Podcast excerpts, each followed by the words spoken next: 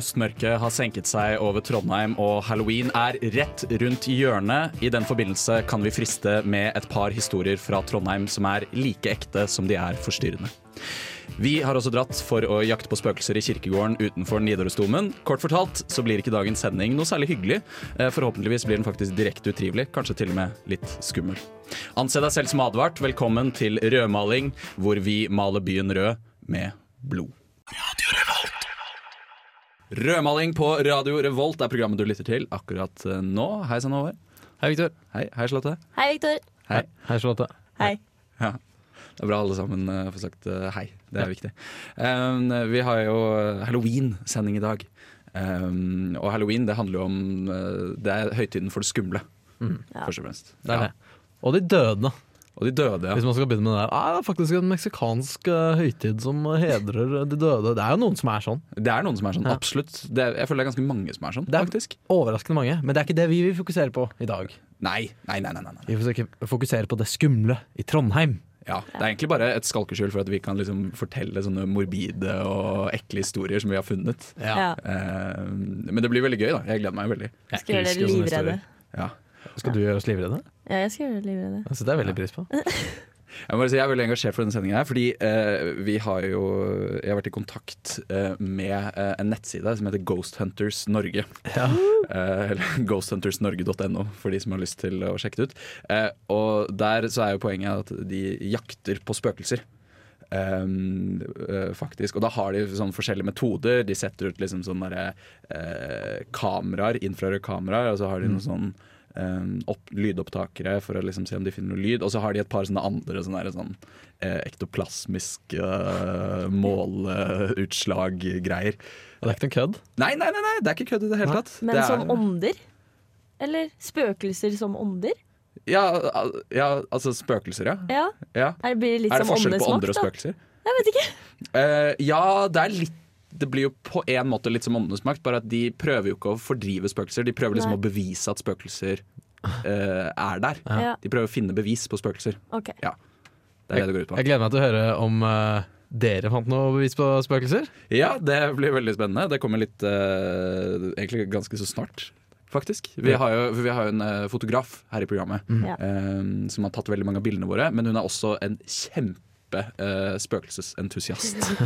uh, så vi dro ut uh, i Holdt på å si parken, men i gravlunden rundt Nidarosdomen for å se om vi ikke fant noen spøkelser. Nå er vi på vei til kirkegården utenfor selveste Nidarosdomen i Trondheim. Ville. Hei, forresten. Hei. Hei. Ville, I dag så skal vi jo jakte på spøkelser. Ja. Eh, og jeg har tatt med meg deg fordi jeg vet at du eh, Du er jo vanligvis vår fotograf, da. Det kan vi røpe med en gang, så du har en tilknytning til programmet vårt. Ja. Um, men du er jo også eh, spøkelsesentusiast, kan vi si det? Ja, du kan kanskje si det. Jeg syns det, det er veldig gøy. Det er Ja. interessant, det er morsomt, og så er det jeg vet ikke, jeg syns det er gøy at folk blir så provosert hvis noen sier at man tror på spøkelser. Vi henvender oss jo til studenten, som er eh, man kan si eh, rasjonalismens høyborg. Jeg tror det er en lavere prosentandel religiøse eh, og folk som tror på det okkulte og sånne ting Ja, blant studenter. Men det vil jeg si, altså det er et stort skille mellom det likevel. Da, at man er ikke nødvendigvis religiøs bare fordi man tror det er mer mellom himmel og jord. Egentlig tvert motsatt, kanskje. Eh, For all del. Vi, vet du hva? vi skal ikke legge oss opp i den debatten her nå. Det, det er ikke det dette handler om. Det handler om å prøve å finne spøkelser. Okay. Så vi, vi bare ser bort ifra det at det kan være at det ikke fins. Og så tenker vi bare nå at det fins spøkelser, og så prøver vi å finne dem. Hvordan skal vi finne spøkelser? Nei, eh, jeg tenker det at eh, veldig mange spøkelser som vi hører om, er ganske gamle. Det er jo typisk fra 1920-tallet. Så jeg tenker at hvis vi skal finne spøkelser i dag, Mm. Så burde vi jo gå tilbake igjen da til der hvor disse spøkelsene befant seg. Fordi alle moderne spøkelser vil jo vite at vi har med kameraer og utstyr og Det er klart, det er klart. Mens de forventer det kanskje ikke like mye på f.eks. kirkegården da, til Mhm. Nidarosdomen. Nå skal jeg si det, vi vi hadde jo egentlig lyst til å gå inn i Nidarosdomen, men eh, Nidarosdomen er jo ikke så glad i denne omtalen. Nei, for vi har jo egentlig litt lyst til å møte denne munken. Ja, Men det kan jo være at han er ute en liten tur Ja, det i kirkegården og vandrer. Jeg leste litt grann om det her, og siden han er en munk, så må han jo være fra den tida det fantes munker. Ja. Så de tenker at han må være fra før reformasjonen. Og han har blitt beskrevet først på 1920-tallet. Ja, da var det vel en, en dame, jeg husker ikke helt akkurat hva hun het, eh, som så ham i liksom eh, døråpning eller buegang, eller hva man skal si, Mm. med da ikledd en, en eh, kappe, og så Mm. blod rennende ned fra halsen, som om han hadde Ja. et sår eller et eller annet slikt noe. Ja. For det er jo et annet spørsmål. Hvordan ser et spøkelse ut? Kan det ikke være litt forskjellig? For jeg vet at Nidaros, Munken i Nidarosdomen har ofte blitt sett som, eh, som en gjennomsiktig skikkelse. Men også, det her skal legges til, eh, hun beskrev han som en svært kjekk mann. Kjekt ansikt med stramme, fine, rette linjer. Tydelige, fremhevde kinnbein. Eh, Er, det, og sånne ting. Da. er, dette Lysende øyne. er dette hvorfor du har lyst til å finne munken? Er du, er du litt forelska? Altså, jeg vet jo at folk eh, har blitt forelsket i seriemordere. Eh, så jeg syns ikke det er så veldig rart å bli forelsket i et spøkelse. Nei. Nå sier jeg ikke at jeg er det, eh, men litt sånn som troen på spøkelser, så lar jeg det være opp til hver enkelt å finne ut av. Trondheim 1719. Bøddelen i byen har avgått med døden, og Trondheim magistrat skriver til Danmark for å få tilsett en skarpretter av yrke. Ikke lenge etter ankommer Mathias Fligenring Trondheim med sin hustru Sara Kristine Fligenring og sin to år gamle datter. Et flott hus har blitt satt opp til dem ved utkanten av byen, ute ved Byneset. Tiden går, og Mathias utfører sitt arbeid i Trondheim etter all forventning. Han gjør som en skarpretter skal gjøre, og hugger kroppsdeler av folk. En regntung høstdag skjer det noe utenom det vanlige i det lille nabolaget ute på Byneset. Et øredøvende skrik skjærer gjennom luften i den ellers dødelig stille gaten.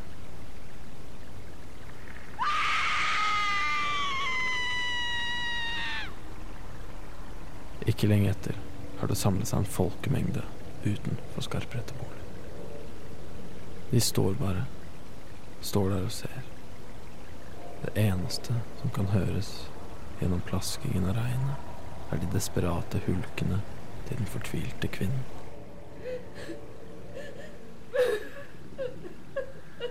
I bakgården sitter skarpretteren. Det våte håret er klistret til pannen. Med store, tomme øyne vugger han frem og tilbake med en liten bylt mellom armene. Ut fra de gjennomtrukne fillene mellom skarpretterens store hender stikker en lys lokk og avslører byltens innhold. Den to år gamle skarprettedatteren ligger der og ser ut som hun sover. Det eneste som avslører ugjerningen, er de fortsatt varme bloddråpene renne ned fra den overskårne strupen. Skarpretteren ser opp på den samlede folkemengden. Hva går dere på? Jeg var nødt til å avlive denne hesten. Åh, Den kampen har blitt så umedgjørlig med tiden. Kom dere vekk! Ikke lenge etter ble myndighetene tilkalt og tok skarpretteren i varetekt. Myndighetenes utsendinger begynte å ta forklaringer fra de oppskakede naboene om hvordan Fligenring hadde oppført seg den siste tiden. En gammel enke som eide huset over veien for skarpretterboligen, fortalte at skarpretteren hadde hatt en merkelig oppførsel helt siden han flyttet inn. Han var blitt mer og mer reservert, snakket med seg selv i skyggene, tommere og tommere i blikket. Da hun en dag hadde spurt ham hvorfor han ikke kom i kirken på søndager lenger, hadde han svart. Jeg har gått til flere kirker i Trondheim. Overalt så snakker presten til meg. Han hadde gått og forsvunnet inn i natten. Mathias Fligenring ble dømt ikke lenge etter. Dommen fra magistratet lød som følger. De som er åpenbart galne, deltar ikke i lovfellesskapet og kan da heller ikke straffes efter loven.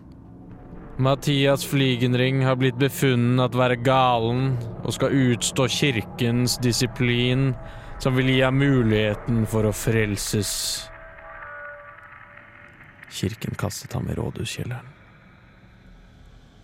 Forholdene var forferdelige, og den tidligere skarpretteren ble sykere og sykere. Til tross for traumene kunne hans kone ikke annet enn å ha medfølelse med ham. Hun skrev til magistratet og ba om hennes ektemanns forflyttelse. Kjære herr magistratpresident. Jeg skriver til dem i en således stund, for jeg vet ikke mine armer og Min mann Mathias har blitt kastet i rådhuskjelleren blant de skrekkeligste av forhold. Forstå meg rett. Akk, hans handling fordømmer jeg mer enn noen annen, og såret efter tapet er ennå mitt hjerte nær. Men de forhold han nå overværer i denne skrekkens kjeller, kan jeg ei la fare. Kunne han få kommet opp i brannkortegården, der vil han være vel så meget i fangenskap som i kjelleren. Sara Kristine Fligenring. Brevet prellet fullstendig av på magistratet, og Mathias ble sittende i kjelleren. Få turte å gå ned til ham. Det ble sagt at han sa de skrek og hadde lange samtaler nede i mørket. De snakker til meg. De snakker til meg. Å, de snakker til meg. Å, min arme hest. Hjelp meg! Etter tre uker ble han funnet død.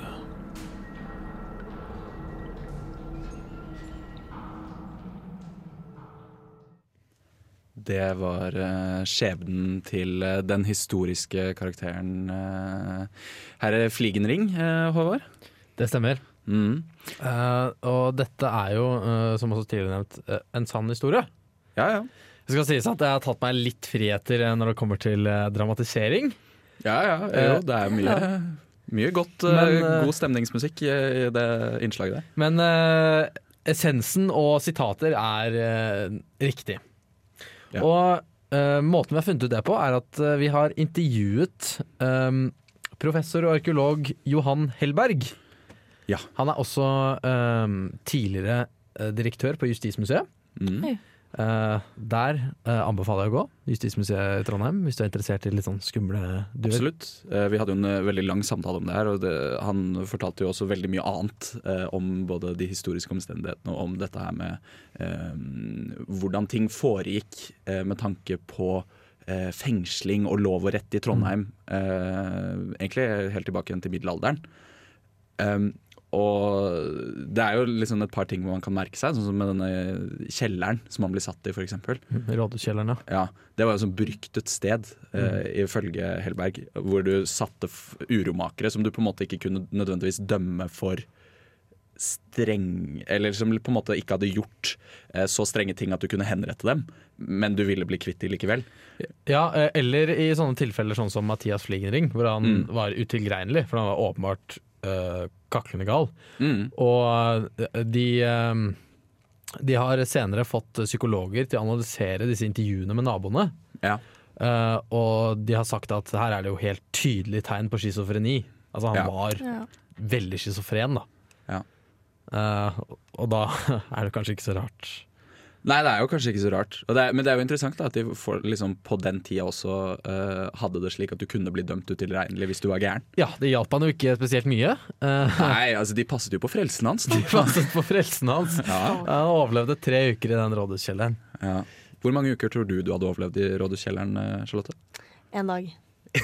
Bare én dag? Ja, jeg hadde gitt opp med en gang. Jeg hadde lagt meg paddeflat, så jeg hadde sagt nei, bare la meg være.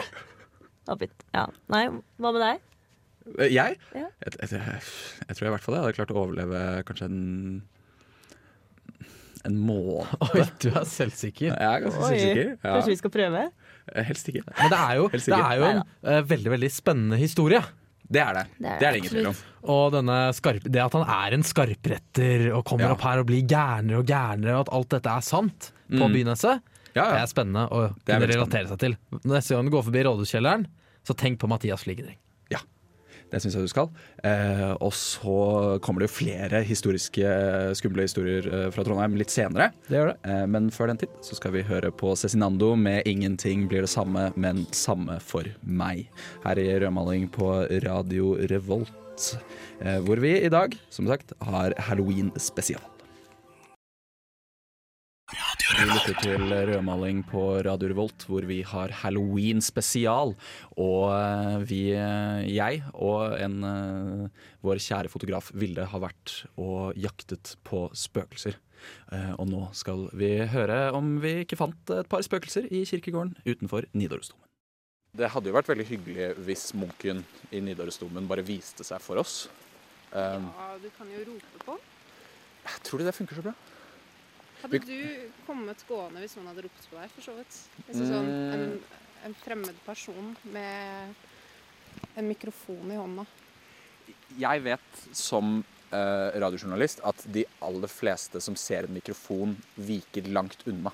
Okay. De er ikke så veldig De aller færreste, Ved mindre de er fulle, da. Ja. Eh, da søker de ofte veldig gjerne til mikrofonene. Men, men jeg tror ikke munken i Nidarosdomen er full.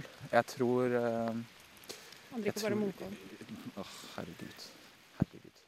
Du har noen verktøy som du har lastet ned på mobilen din. Ja, for jeg er jo veldig gira på dette her. Det, jeg har jo aldri vært på spøkelsesjakt før. Eh, så jeg fant ut at vi må jo ha en måte å finne ut eh, akkurat hvor vi skal gå hen. Så jeg har lasta ned en radar. eh, En spøkelsesradar. En spøkelsesradar som heter så mye som Ghost Radar Classic. ok. Ja. Eh, for den som var eh, eh, veldig bra, eller liksom Ghost Radar Epic, eller hva den heter. For den kosta penger.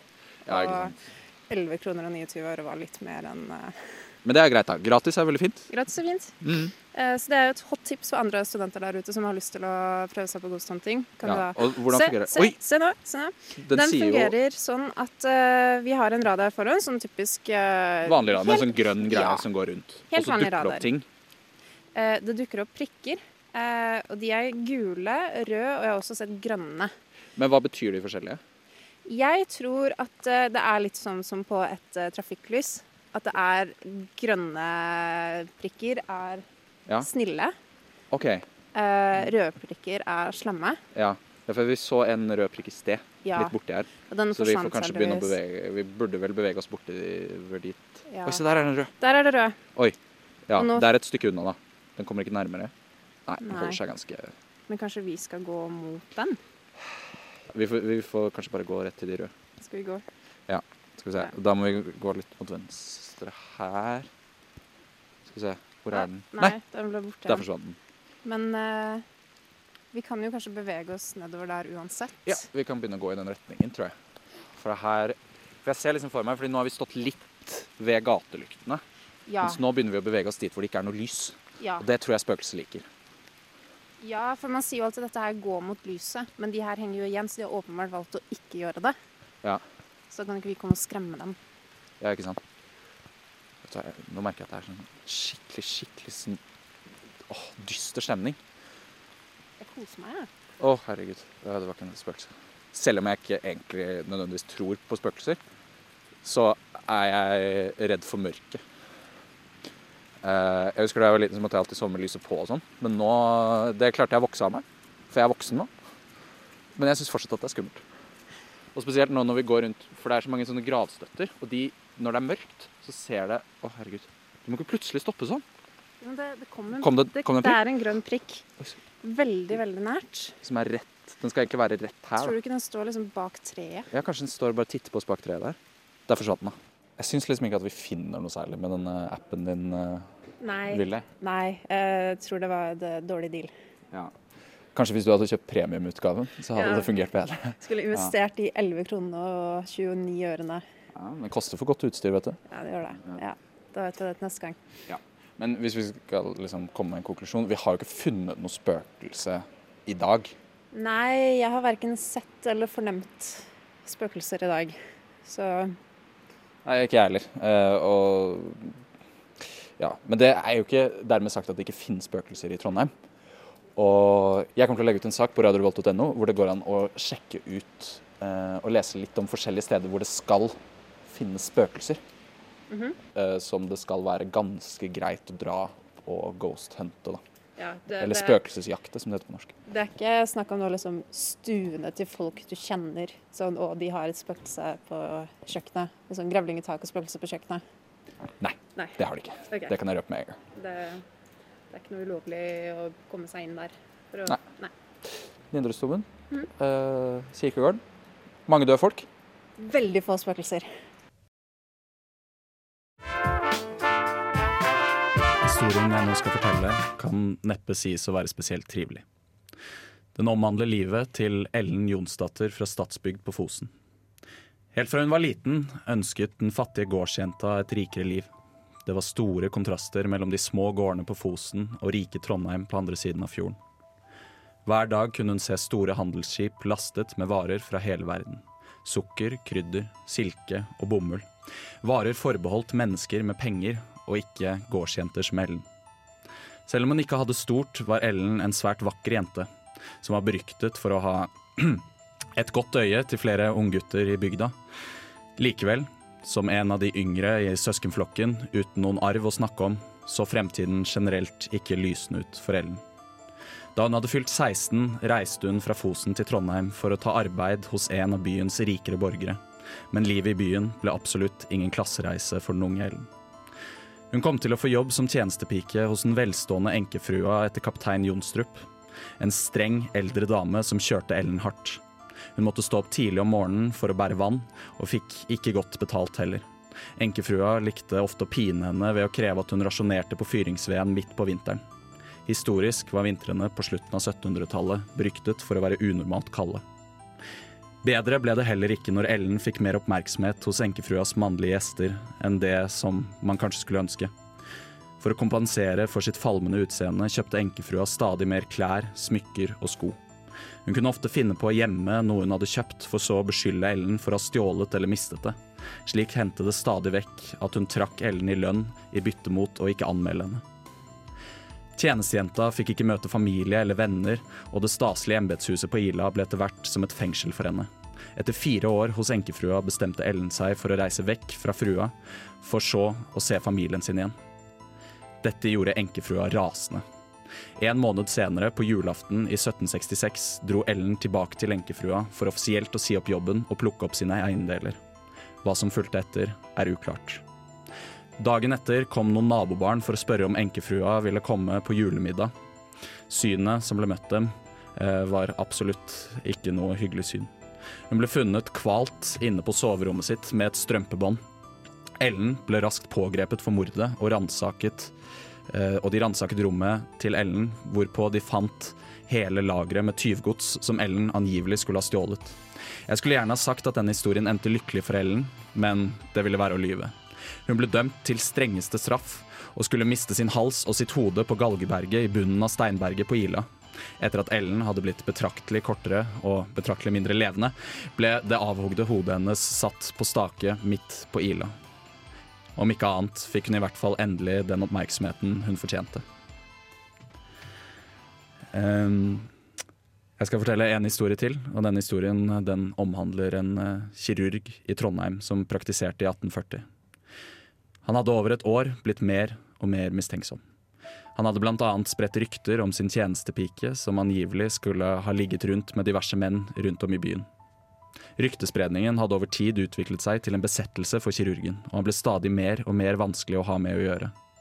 Han møtte opp på jobben, men nektet å ta imot kunder. Likevel var det ikke stille på kontoret, og han ble ofte hørt prate og diskutere høylytt gjennom veggen. En dag hadde ikke kirurgen møtt opp på jobben i det hele tatt. Brigadelege Roll ble kontaktet og reiste til huset hvor kirurgen bodde. Dørene var stengt og øh, lukene lukket for vinduene. Plutselig kunne et skrik høres fra andre etasje i huset. Brigadelegen hamret hardt på døra og ropte på kirurgen, men fikk ikke noe svar. Han gikk ned til rådhuset for å hente vekterne i byen. Da de kom frem, banket de så hardt eh, at det hadde samlet seg et stort publikum for å få med seg spetakkelet. Plutselig slo et av vinduene opp i andre etasje. Ut kom det flyvende en avlang gjenstand som nesten traff brigadelegen rett i hodet. Det sprutet opp noe rødaktig søle på skolen hans idet det gikk i bakken. Han så ned, og så at det som hadde landet rett foran han, var en arm. Vekterne slo inn døren og gikk opp i andre etasje, hvor kirurgen sto og vasket instrumentene sine. Rommet var dekket i blod, og opp på bordet, midt i rommet, lå det som en gang hadde vært tjenestepika til kirurgen. Liket var slaktet og partert opp, men kirurgen eh, ble skrikende fraktet til fangehullet i rådhuskjelleren.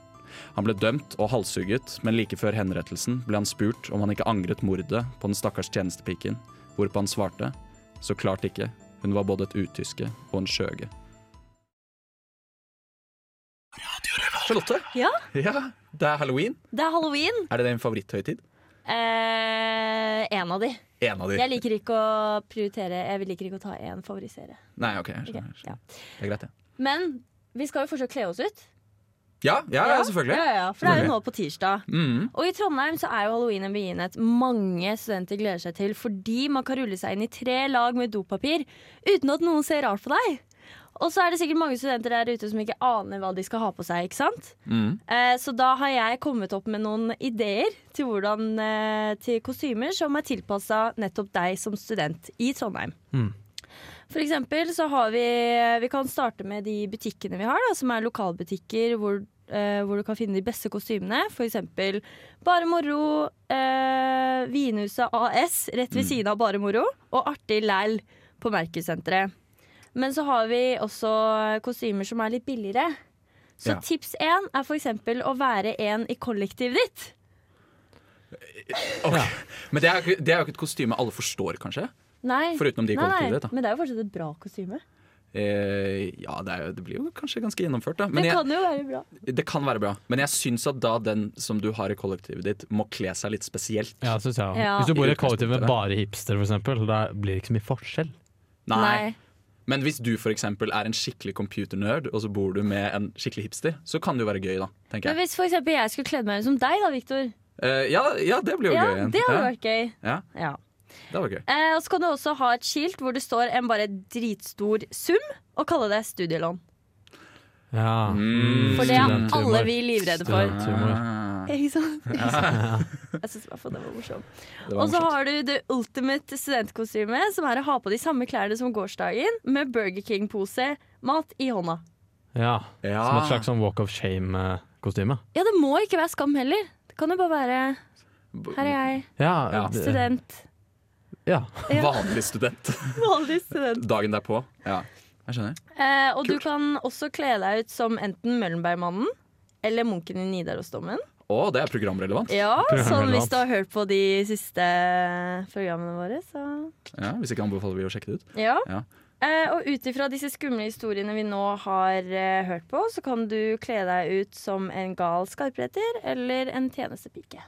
Ja. Mm. Uh, og tjenestepiker, da må du ha mye blod eh, rundt omkring. Fordi Masse. det går veldig ofte utover dem, føler jeg. ja det, uh, det, er lett, det er lett å få tak i. Ja, det er lett å få tak i. Hva skal du kle deg ut som, uh, Viktor? Hva jeg skal kle meg ut som? Ja. Uh, jeg, um, jeg har hatt en periode hvor jeg hadde lyst til å kle meg ut som uh, folk uh, fra filmer. Sist gang så kledde jeg meg ut som Sweeney Todd eh, fra den musikalen. Uh, Barbara on Flea Street. Men jeg, eh, jeg tror denne gangen her så skal jeg kle meg ut som ehm, Jeg vet ikke helt. Jeg er usikker. Men jeg tror kanskje jeg kler meg ut som en um, et spøkelse. ja, flott. Ja. Mm. Det er Du- lov. Hva med deg, Charlotte? Eh, En avokado. Ja. Hva med deg?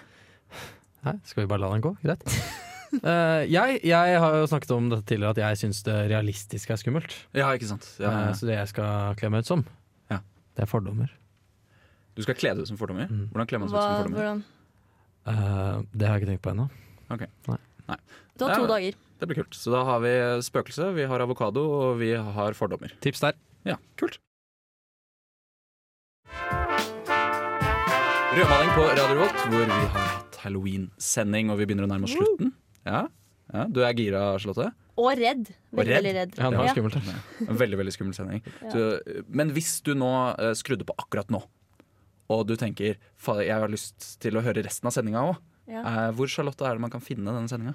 Du kan finne oss på radiorevolt.no, der vi også legger ut sak. Du kan eh, høre sendingen så mange ganger du vil eh, på podkastappen. Mm. Og du kan også finne oss på Instagram, så gjerne følg oss der. Ja. På rødmaling. Rodmaling. Rodmaling. Kan altså kontakte oss, kan du ikke det? Det kan du absolutt gjøre. Mm. Det er på rødmaling at gmail.com.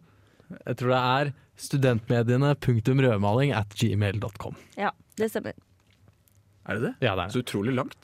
Ja, det er litt langt. Burde vi Eh, ikke vurdere å kanskje kutte ned eh, det kan vi vurdere. Send mail på det, hvis dere mener vi bør kutte ned. Ja, gjør det. Det er altså studentmediene.rødmaling.gmail.com. Ja, flott. Ja. Victor, har vi noen å takke? Vi har absolutt noen å takke. Uh, Vilde, vår eh, eminente fotograf og spøkelsesjeger, Mm. eh, må vi selvfølgelig takke. Vi må takke Liselotte, vår eh, eminente tekniker. Eh, og så må vi selvfølgelig takke Johan Helberg, som eh, ved Fortidsminneforeningen. Absolutt. Absolutt. Og så må vi også takke Terje Brattberg for eh, innspill på historier og slike ting. Og Ja. Ghost, eh, Ghost Hunters Norge. Ja, Geir ved Ghost Hunters Norge, tusen takk. Gitt meg massevis av gode tips. det var gøy. Mm, veldig, veldig kult. jeg gleder meg til denne saken din som kommer senere, Victor. Ja. Eh, men for å foregripe litt neste uke, så skal vi ha noe som er veldig relevant hos studenter, nemlig Utelivsspesial. Uteliv spesial. Woo! Det gleder jeg meg veldig til. Det Jeg gleder meg gøy. også veldig til det. Det kommer til å bli eh, utrolig kult, tror jeg. Rett og slett. Det tror jeg også. Mm. Da tror jeg bare det gjenstår å si ha det bra. Ok. Ha det bra! Ha det bra!